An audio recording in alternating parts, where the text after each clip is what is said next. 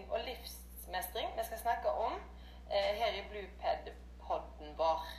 Og som overskrift eller tema i dag har vi valgt å være følelsesmessig pålaga. Og vi tenker vel at omsorg er noe alle mennesker trenger i alle livsfaser. Tenker vi ikke det, Anette? Jo, absolutt. Eh, omsorg det ligger i hendene, i stemmen, i hvordan du fører kroppen din. Eh, og et barn vil kjenne om du blir tatt i med omsorg, eller om det bare blir tatt i. Det handler om vi som omsorgsgivere klarer å sette oss inn i hvem og hvordan den som mottar omsorgen er og har det. Og så er det en viktig ting. Omsorg oppstår ikke før den som skal motta omsorgen, opplever at han eller hun har fått omsorg. Det går fint an å skifte ei bleie uten omsorg. Eh, da er du rett og slett ikke pålogga. Du eh, tenker på hva du skal lage til middag, eller hva du skal snakke om på pauserommet mens du skifter bleier, og har ikke fokus på ungen som ligger der. Og bleieskift, det kan bli en rutine. Eh, og da er du ikke til stede i situasjonen. Eh, og ungen vil fort legge merke til at den ikke er i fokus. Og eh, innimellom så snakker en jo om profesjonell omsorg. Og det handler ikke om at en ikke skal være følelsesmessig engasjert, men at en skal vite hvor grensene for handlingene dine går. Du kysser f.eks. ikke et barn i barnehagen på munnen, men du kan gi han en klem, og den kan være god og følelsesmessig, og at du er følelsesmessig engasjert. Ehm, eh, men eh, vi skal ikke overta foreldrene sine handlinger med å vise omsorg til sine barn, men vi skal supplere dem. Og her kommer neste spørsmål tilknytningen.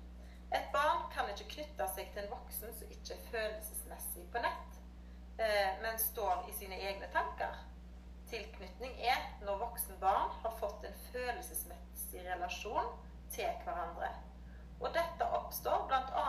gjennom stell, samvær, og spesielt gjennom at den voksne får bistå barnet med å regulere følelsene sine. Det å få trøste et barn er en tilknytningsfremmende handling og en tillitserklæring der barnet viser at det er trygg på deg og føler seg tilknytta deg. Og det igjen henger sammen med livsmestring. Ja, og livsmestring er jo et ganske nytt begrep i barnehagesammenheng og skolen. Og det kom til en definisjon fra Læringsmiljøsenteret på Universitetet i Stavanger, der de sier at det, at det handler om å utvikle ferdigheter og tilegne seg praktisk kunnskap som hjelper den enkelte til å håndtere medgang, motgang, personlige utfordringer, alvorlige hendelser, endringer og konflikter på en best mulig måte og skape en trygghet og tro på egen evne til å mestre òg i framtida. Og Det betyr at barnehagen skal bidra til at barn blir kjent med egne og andres følelser i sin alminnelighet. Og de følelsene som ikke er preget av glede. Ungene må få bruke ulike uttrykksmåter, ikke bare språket, gjennom kropp, selvfølgelig, og gjennom kunst og kultur og kreativitet. Sånn at de får uttrykke og bearbeide sine inntrykk og følelser. Og så må det være masse plass til livsglede og humor. Det står det mye om i rammeplanen. Humor er essensielt for barns livsglede.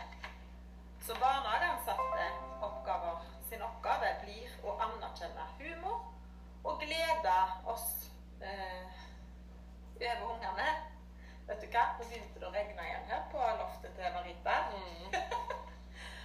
det, det forstyrrer meg litt. Men det jeg skal si, er i hvert fall at eh, vår oppgave da, som barnehageansatte, det er å anerkjenne humoren eh, og gleden hos ungene. Eh, og så må vi hjelpe dem til å ta vare på den og utvikle den videre.